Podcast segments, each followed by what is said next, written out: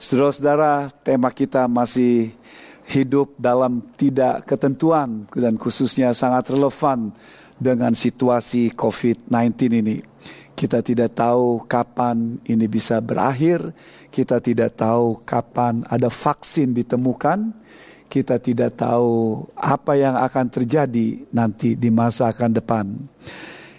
Dengan usaha, bisnis, dan rencana-rencana yang kadang-kadang tidak menentu.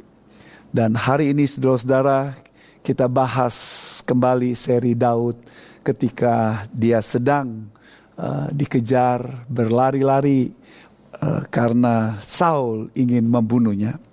Saudara-saudara, tema pagi ini adalah bicara soal tentang uh, His way and His time, not my way, not my time. Waktunya, jalannya, bukan waktu saya, bukan jalan saya.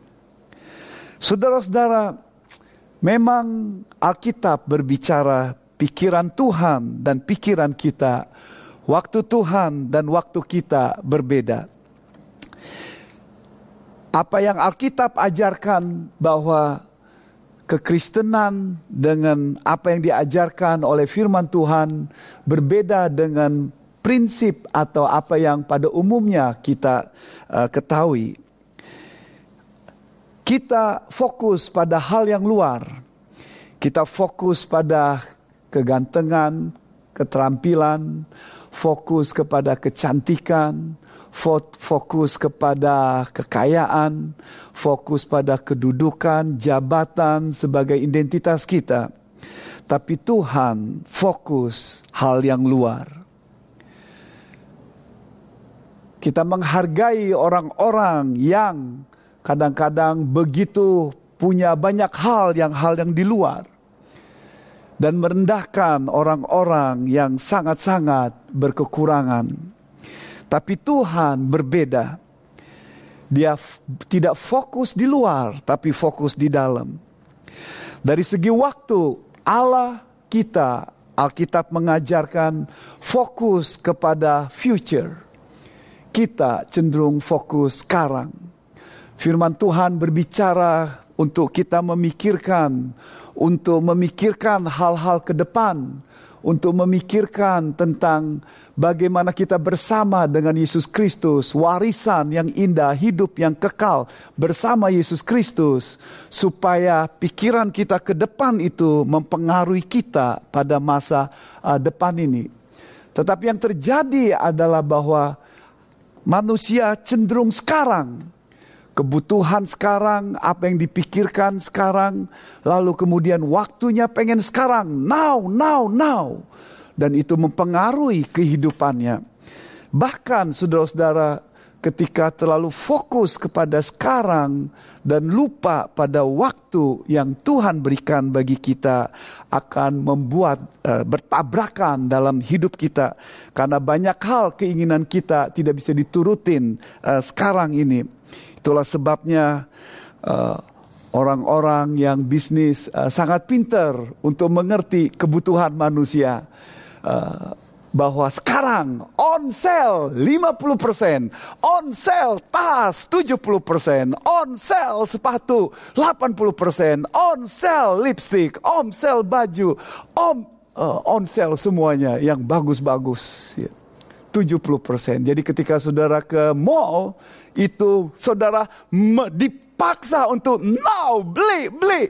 Meskipun saudara nggak punya uang, saudara-saudara. Ya. Dunia fokus kepada kekayaan. Alkitab fokus pada karakter yang ada. Dunia fokus apa yang bisa dimiliki seluruh dunia. Alkitab fokus satu jiwa itu sangat berharga. Bukan isi dunia. Dunia pengen jalan shortcut. Kita pengen jalan pintas. Kalau bisa jalan pintas. Kalau bisa ibu-ibu yang punya anak gimana melahirkan langsung bisa jalan saudara-saudara. Yeah. Dan kalau bisa mengandung itu nggak usah 9 bulan. Bagaimana tiga bulan? Wah, kira-kira gitu. Dan anak Toto sudah masuk SD atau langsung kuliah. Ya, kita pengen seperti itu, saudara-saudara lihat microwave, semuanya jalan pintas yang uh, cepat sekali, semuanya serba cepat, mie instan, uh, semuanya serba instan. Mau bertumbuh juga pengen instan. Ya. Alkitab berbicara tentang bahwa cara kerja faith itu adalah dengan percaya. We live by faith, not by sight. Tapi dunia ingin melihat, ingin fakta. Dan kalau fakta itu ada, imannya disegarkan. Tetapi dalam kenyataan iman bekerja tidak seperti itu. Karena mempercayakan diri kepada Allah. Alkitab berbicara bagaimana orang-orang pada umumnya mencari, sibuk mencari, mengejar apa yang harus dikejar sebagai kebutuhan kehidupan mereka.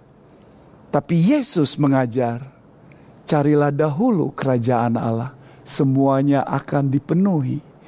Tapi dunia mencari bukan hal yang seperti itu. Mereka mencari, mengejar, dan lupa sama Tuhan. Mendapatkan semuanya dan lupa pada Tuhan.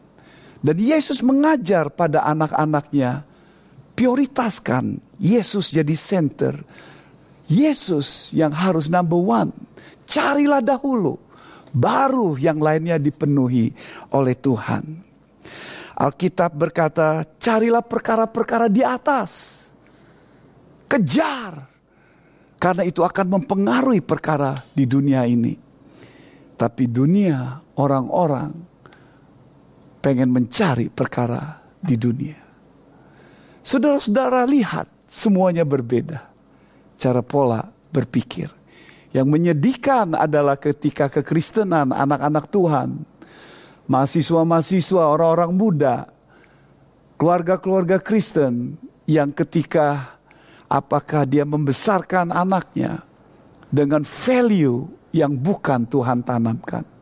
Sehingga ketika besar dia melihat anaknya berbeda seperti yang dia tidak inginkan karena value setiap hari tidak dihidupkan apa yang Tuhan inginkan value dunia yang dihidupkan bagi kaum muda ketika bergumul soal berhubungan dengan kesuksesan, keberhasilan, masa depan dan berhubungan dengan pacar, berhubungan dengan pasangan hidup.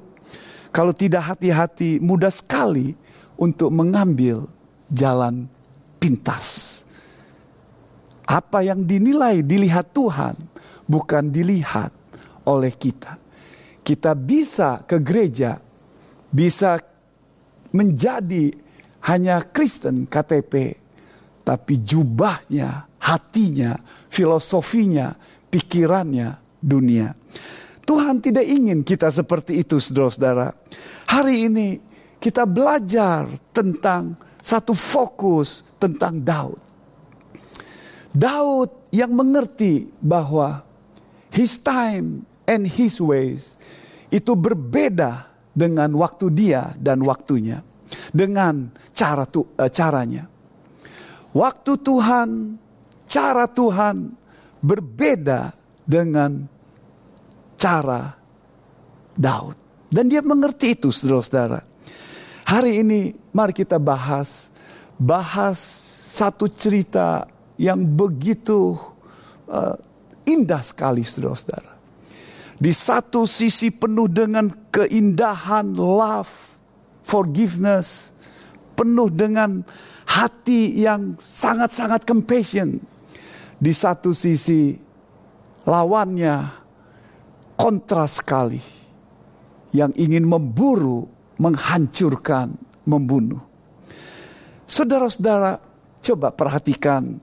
Kita akan baca banyak dari berapa nats, tapi saya akan uh, baca beberapa nats ini yang ketika cerita tentang Saul yang ingin menghancurkan Daud, ingin membunuh Daud secara uh, de jure atau secara uh, hukum di mata Tuhan Daud yang menjadi raja. Sudah dipilih 1 Samuel 16 ayat 7. Di mata Tuhan Saul tidak menjadi raja. Tapi fakta kenyataannya Saul tetap menjadi raja dan Daud tidak menjadi raja. Dia dikejar-kejar oleh Saul dan Saul menghasut membawa semua tentara-tentaranya termasuk orang Israel juga untuk memusuhi Daud. Saudara-saudara coba baca ayat ini saudara-saudara. Saya baca berapa ayat ini untuk saudara-saudara. Ya 1 Samuel 24 1 Samuel 1 Samuel pasal 24 ayat 4 sampai uh, eh, 7 yang terlihat dalam bahasa Inggris saya baca untuk saudara-saudara dalam bahasa Indonesia. 1 Samuel 24 ayat 4 dan uh, eh, 7 firman Tuhan berkata demikian. 1 Samuel 24 ya, ayat 4 sampai ke 7 ketika Daud ada kesempatan untuk membunuh uh, Saul. Demikian uh, firman Tuhan. Ia sampai ke kandang-kandang domba di tepi jalan. Di sana ada gua dan Saul masuk ke dalamnya untuk membuang hajat. Tetapi Daud dan orang-orangnya duduk di bagian belakang gua itu. Lalu berkatalah orang-orangnya kepada Daud, telah tiba hari yang dikatakan Tuhan kepadamu. Sesungguhnya aku menyerahkan musuhmu ke dalam tanganmu, maka perbuatlah kepadanya apa yang kau pandang baik. Maka Daud bangun, lalu memotong punca jubah Saul dengan diam-diam. Kemudian berdebar-debarlah hati Daud, karena ia telah memotong punca Daud. Lalu berkatalah ia kepada orang-orangnya, Dijauhkanlah Tuhan kiranya daripadaku untuk melakukan hal yang demikian kepada Tuanku, kepada orang yang diurapi Tuhan, yakni menjama dia sebab dialah orang yang diurapi Tuhan. Ayat berikutnya saudara-saudara. Dan Daud mencegah orang-orangnya dengan perkataan itu. Ia tidak mengizinkan mereka bangkit menyerang Saul. Sementara Saul itu telah bangun meninggalkan gua itu hendak melanjutkan perjalanannya. Terus ayat berikutnya saudara. Ya. Ayat 16 sampai 17. Ayat 16 sesudah mereka diskusi dan Daud lalu kemudian berkata pada Saul. Ayat 16 Sebab itu Tuhan kiranya menjadi hakim yang memutuskan antara aku dan engkau. Dia kiranya memperhatikannya, memperjuangkan perkaraku, dan memberi keadilan kepadaku dengan melepaskan aku dari tanganmu. Setelah Daud selesai menyampaikan perkataan itu pada Saul, berkatalah Saul, suara muka itu ya anakku. Sesudah itu dengan suara nyaring menangislah Saul. Pasal 26 saudara-saudara. Pasal 26 ini kesempatan kedua kali Daud bisa membunuh Saul. Saul terus mengejar-mengejar dari pasal 24 tadi kita mendengar dia menangis tapi hanya sekejap hanya emosi saja lalu sesudah emosinya selesai dia marah lagi lalu kemudian ingin membunuh Daud kembali. Daud kali ini ada kesempatan lagi untuk membunuh. Tetapi ini yang dikatakan Daud kepada Abisai. Ayat 9 dan 12. Firman Tuhan berkata demikian. Ayat 9 dan 12. Tetapi kata Daud kepada Abisai, Jangan musnahkan dia Sebab siapakah yang dapat menjama orang yang diurapi Tuhan dan bebas dari hukuman?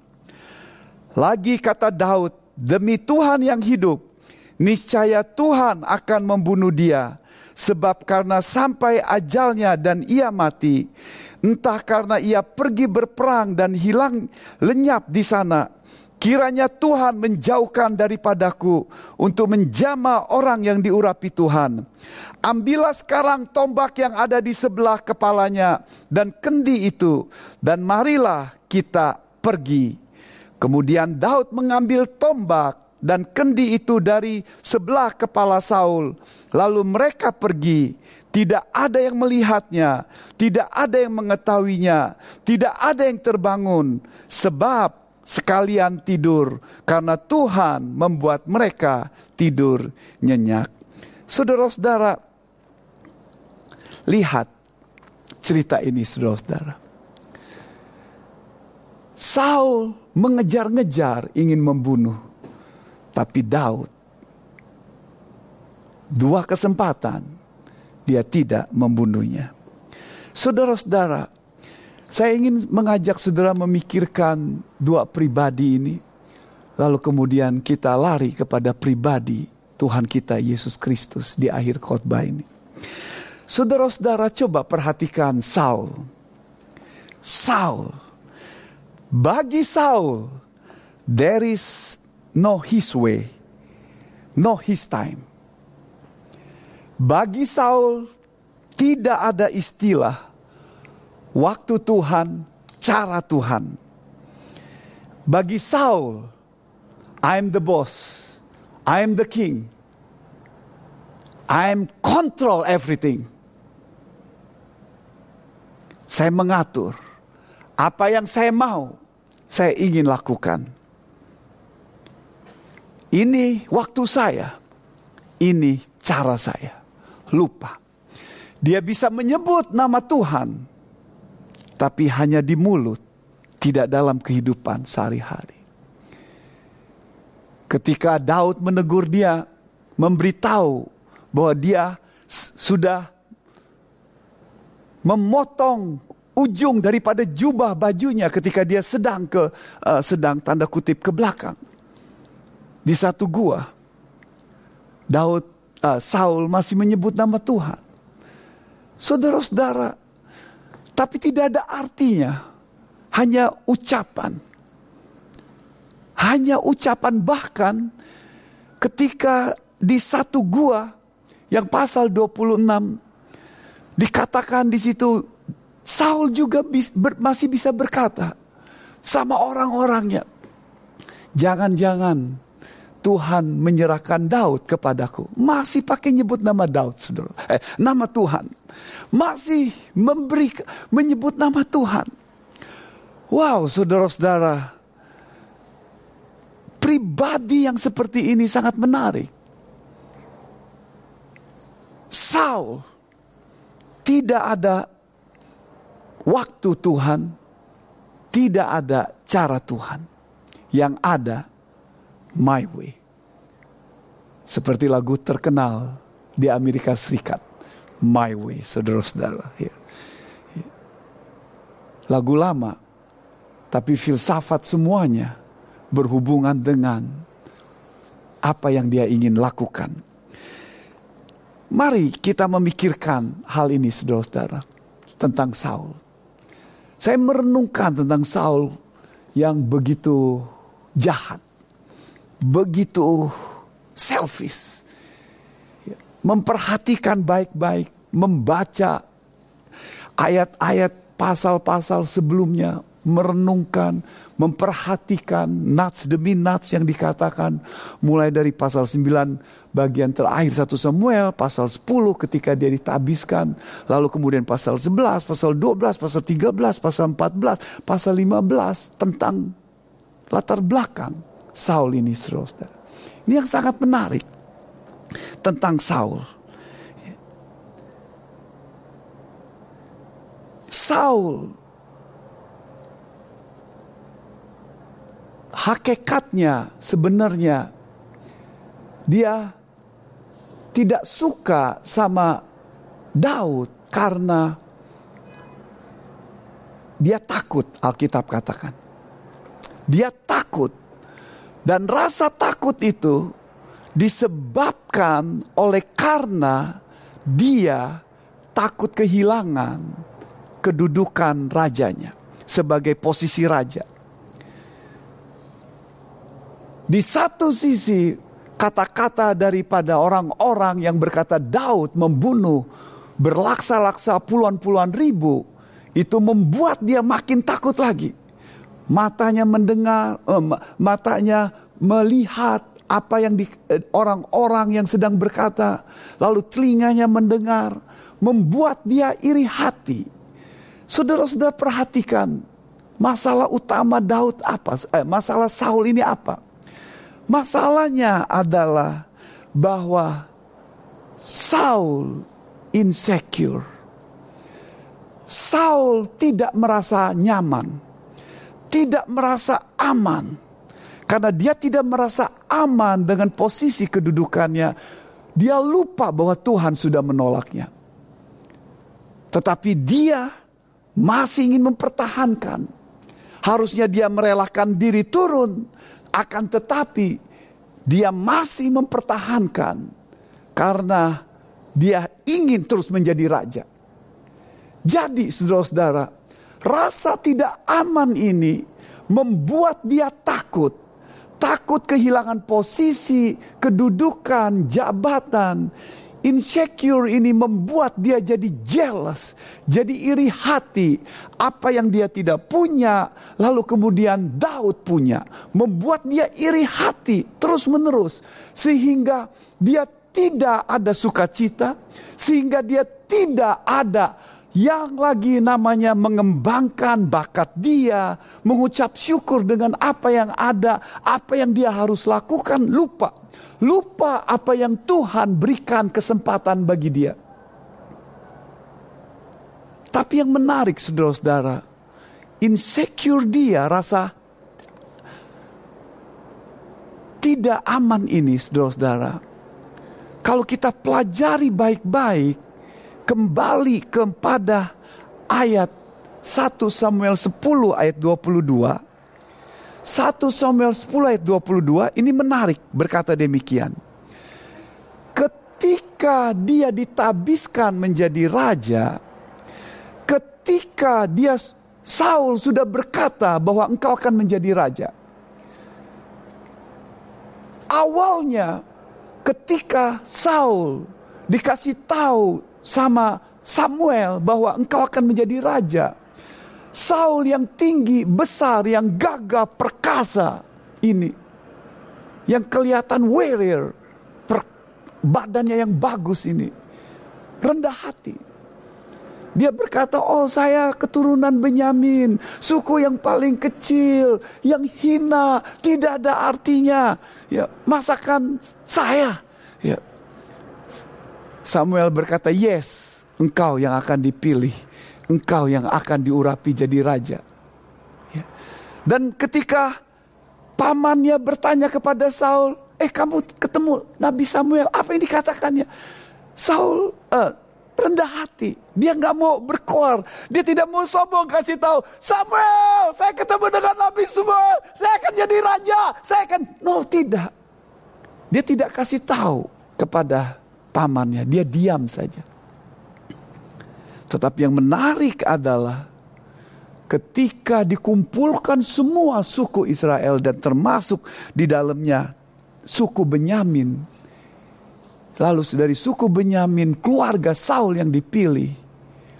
Samuel mencari di manakah Saul. Alkitab berkata demikian.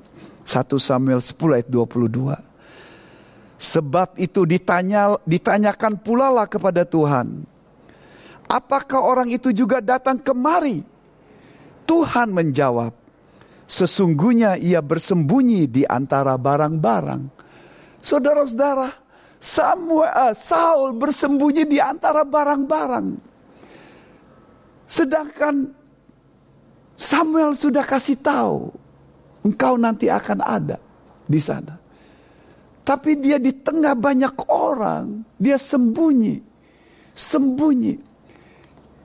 Ini yang sangat menarik saudara-saudara. Para pengamat-pengamat yang mengamati tentang kehidupan Saul berkata bahwa Saul ini punya masalah. Masalah tentang minder, kurang pede.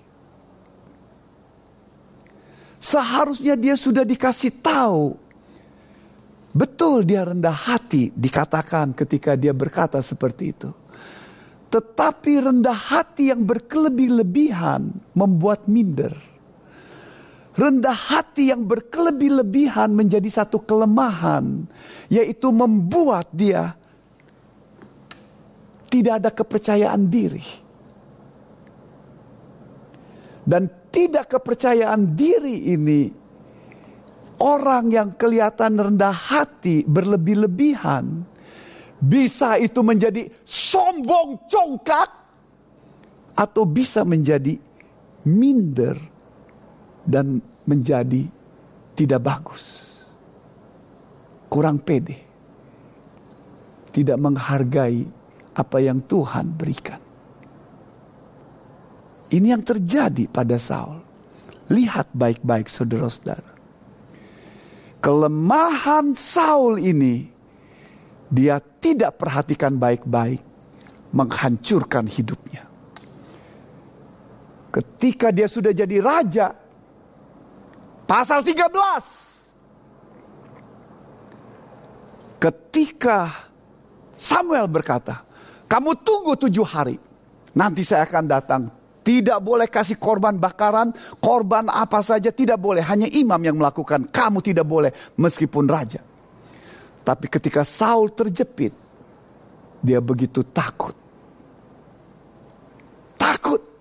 Orang-orang banyak, tentaranya ingin meninggalkan dia. Lalu dia lihat kelemahan dia, rasa minder, rasa ketakutan itu menguasai dia. Dia ambil jalan pintas dia lupa korban itu hanya imam dan dia lakukan. Satu, imam Samuel datang, kamu bodoh. Kamu bodoh. Kamu pikir Allah suka tentang persembahanmu? No. You obedience. Pasal 15. Samuel berkata, bunuh, hancurkan musuhmu binatang-binatangnya. Tapi Raja Agak dan binatang-binatang yang bagus dipelihara, tidak ditumpas oleh Saul. Saul ketika ditanya sama Samuel, Saul berkata, "Oh, untuk persembahan," katanya. Dan sebenarnya Saul dikatakan karena rakyat-rakyatnya tentara-tentaranya itu suka barang-barang, memelihara barang-barang itu. Jadi Saul ikut-ikutan. Lihat saudara-saudara, hati yang tidak pede, yang minder ini membuat menghancurkan kehidupannya. Sehingga dia tidak berani stand alone. Tidak berani dan tahu bahwa ini yang benar. Sehingga ketika masuk kepada dia jadi raja kembali dan ada saingannya Daud, insecure dia muncul. Muncul lalu kemudian menghancurkan hidupnya. Dan insecure rasa tidak aman menjadi bertambah-tambah karena latar belakang kelemahannya itu. Dan semakin menghancurkan ketika satu hal sudah sifat dan karakternya tidak bagus, sudah timbul untuk tidak lagi ingat sama Tuhan, lupa sama cara Tuhan, lupa waktu Tuhan, lupa Tuhan semuanya. Dan ini yang dia lakukan.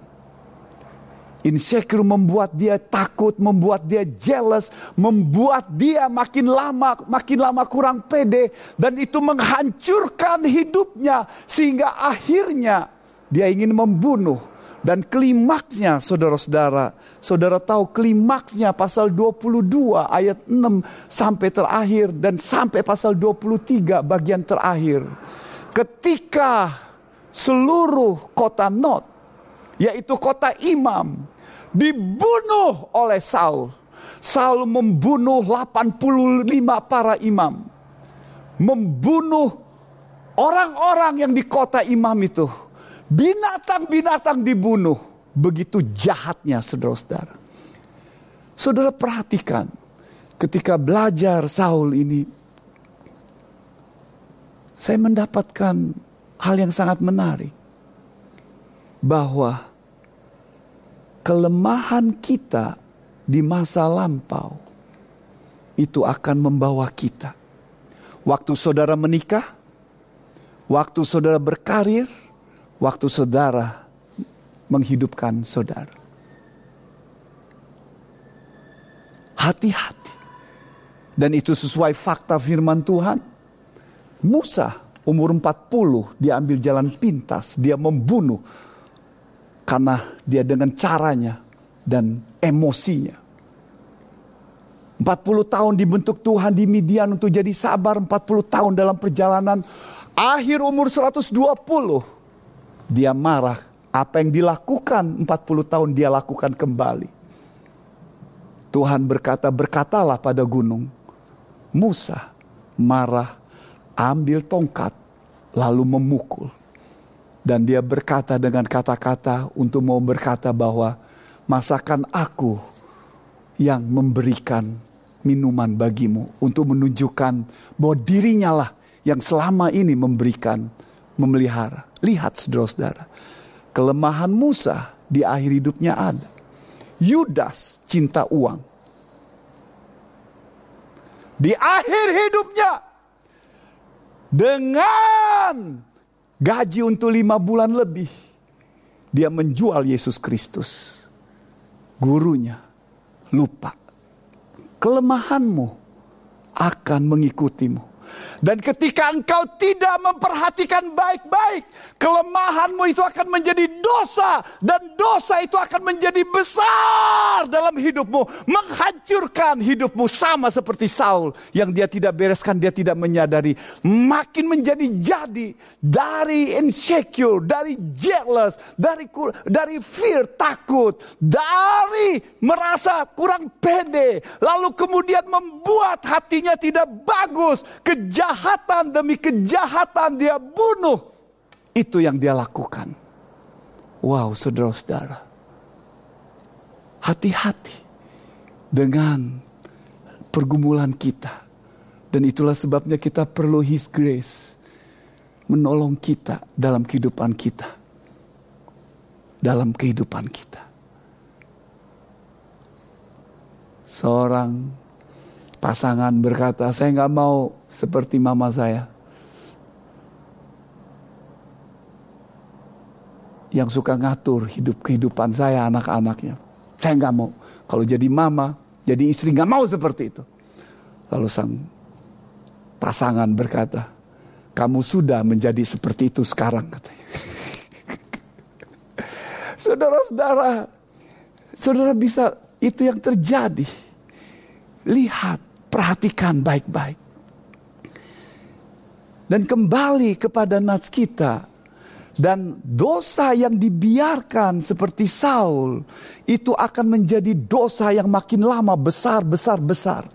Dosa yang kecil dibiarkan itu akan menjadi kutu busuk, menjadi kanker yang akan menghancurkan hidupmu. Itu dosa. Mematikan dan Tuhan mengerti itu. Tuhan mengerti itu.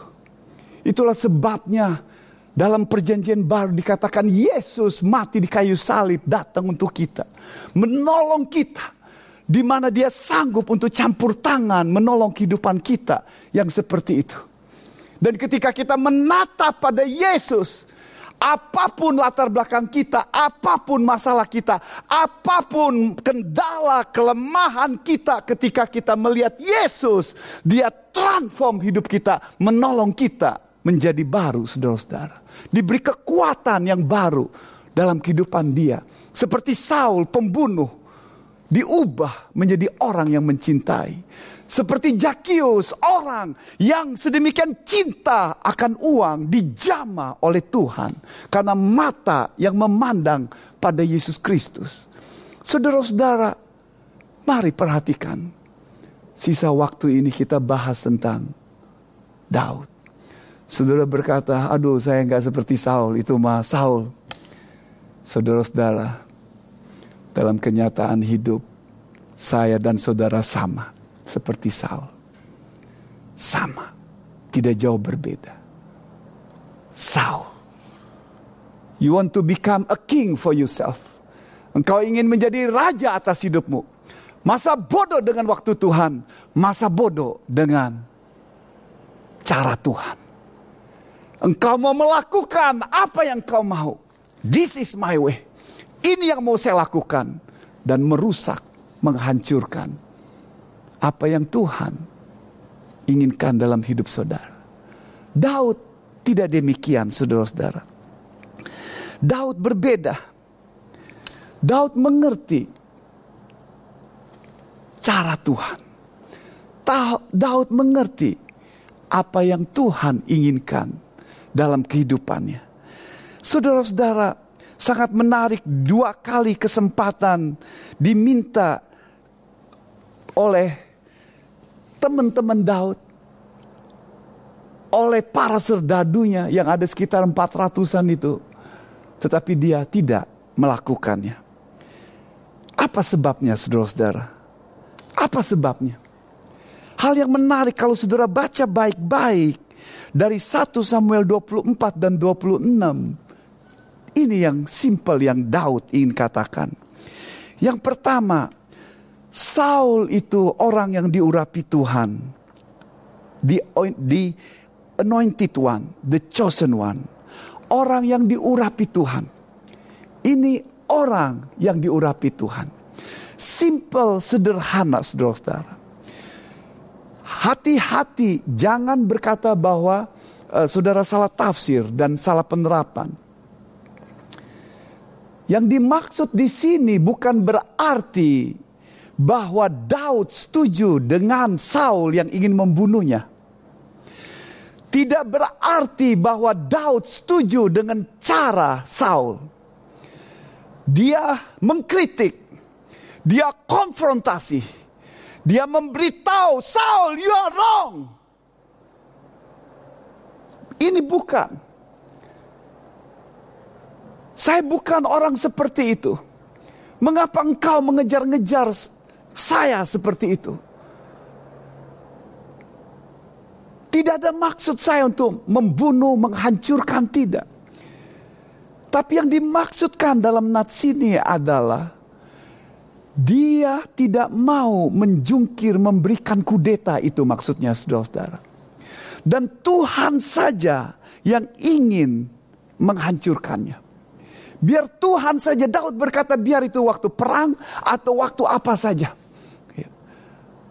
Tapi dia tidak ingin menghancurkan, dia kasih tahu. Dan orang yang duduk seharusnya mengerti posisinya. Apakah itu sebagai pelayan Tuhan, pemimpin, apa pun ketua sel, ataupun siapa saja kita satu sama yang lain. Harusnya ketika diberi masukan kita mendengar dengan bagus. Tapi nats kita sedang berbicara dalam konteks waktu itu imam dan raja yang dipilih oleh Tuhan. Saudara-saudara, sedangkan kita sekarang semuanya di hadapan Tuhan sebagai para imam-imam. Tidak ada imam pilihan, hanya satu yaitu Yesus Kristus. Jadi dalam konteks ini Daud sedang berkata konteks itu dia menghargai. Saya tidak mau karena ketika melakukan itu akan menghancurkan akan menghancurkan karena itu waktunya Tuhan, itu caranya Tuhan, itu diberikan oleh Tuhan. Dan saya ada waktu bagi saya. Itu maksud Daud, saudara-saudara. Yang kedua, Daud berkata, saya mempercayakan diri keadilan Tuhan.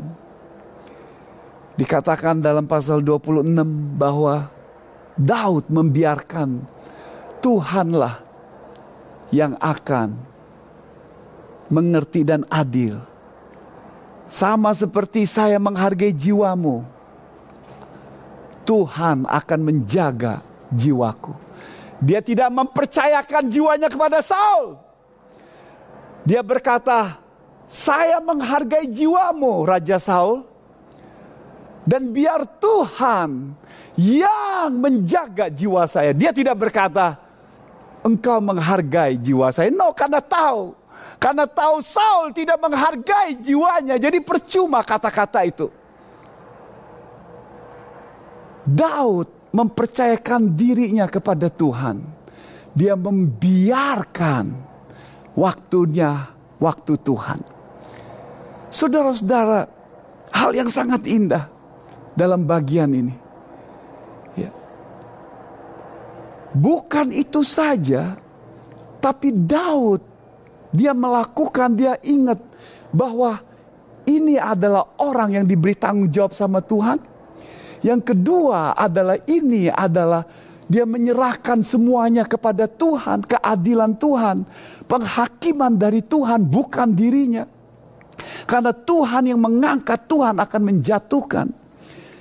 Tapi juga dia yang ketiga dikatakan, my responsibility is to do the right things. Tanggung jawab saya adalah melakukan kebaikan. Dia tidak membalas. Ini orang yang diurapi Tuhan, ini yang Tuhan percayakan. Saya mempercayakan diri kepada penghakiman Tuhan, keadilan Tuhan, pemeliharaan Tuhan. Yang ketiga, tanggung jawab saya do the right things. Melakukan apa yang saya bisa lakukan. Tidak membalas, tidak jahat, sabar menanti waktu Tuhan, cara Tuhan.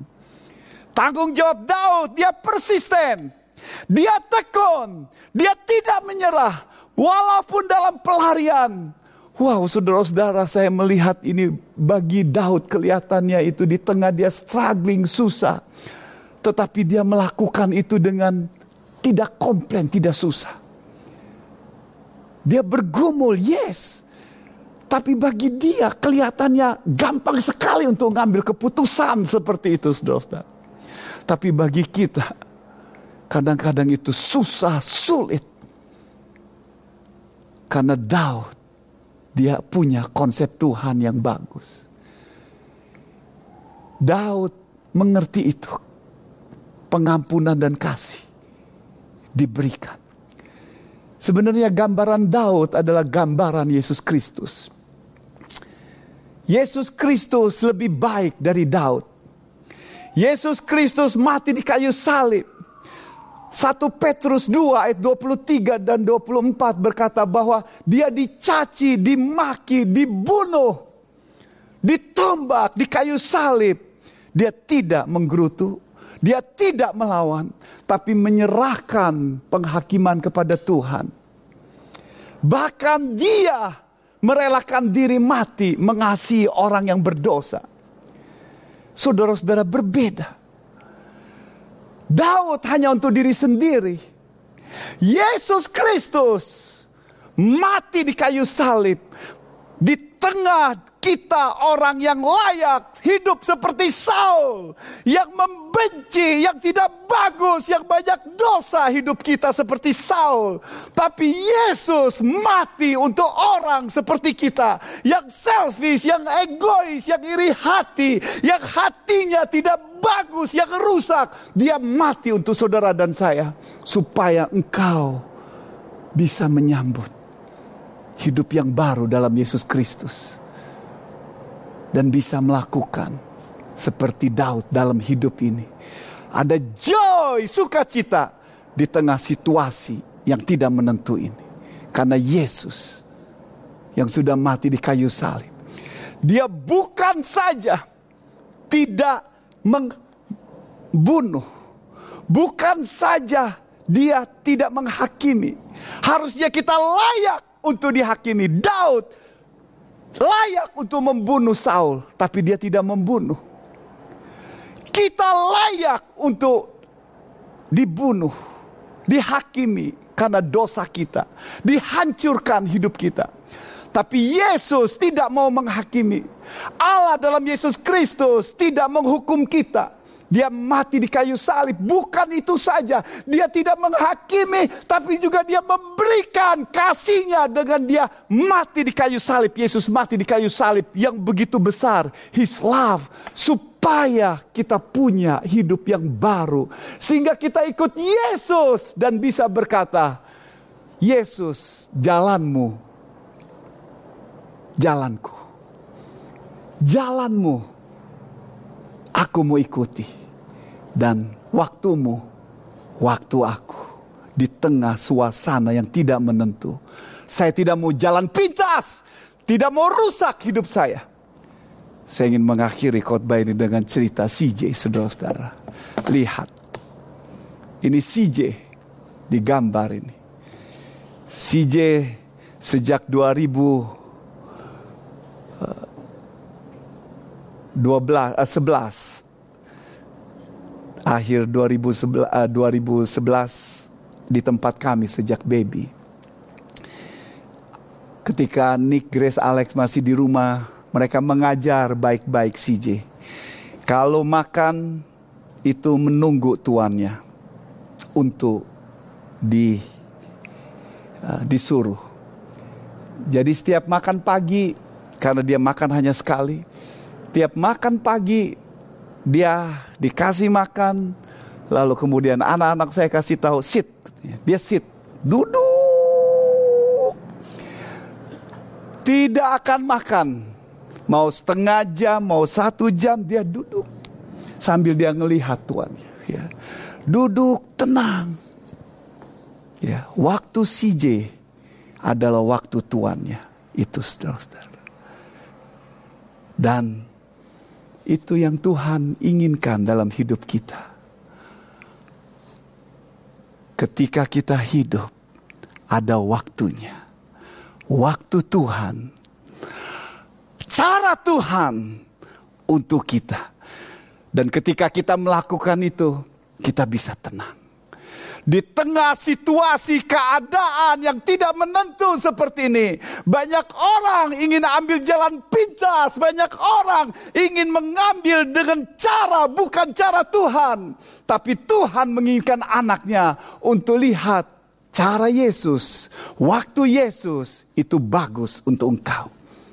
Dan biar engkau di tengah situasi COVID ini melihat ke depan dengan antusias.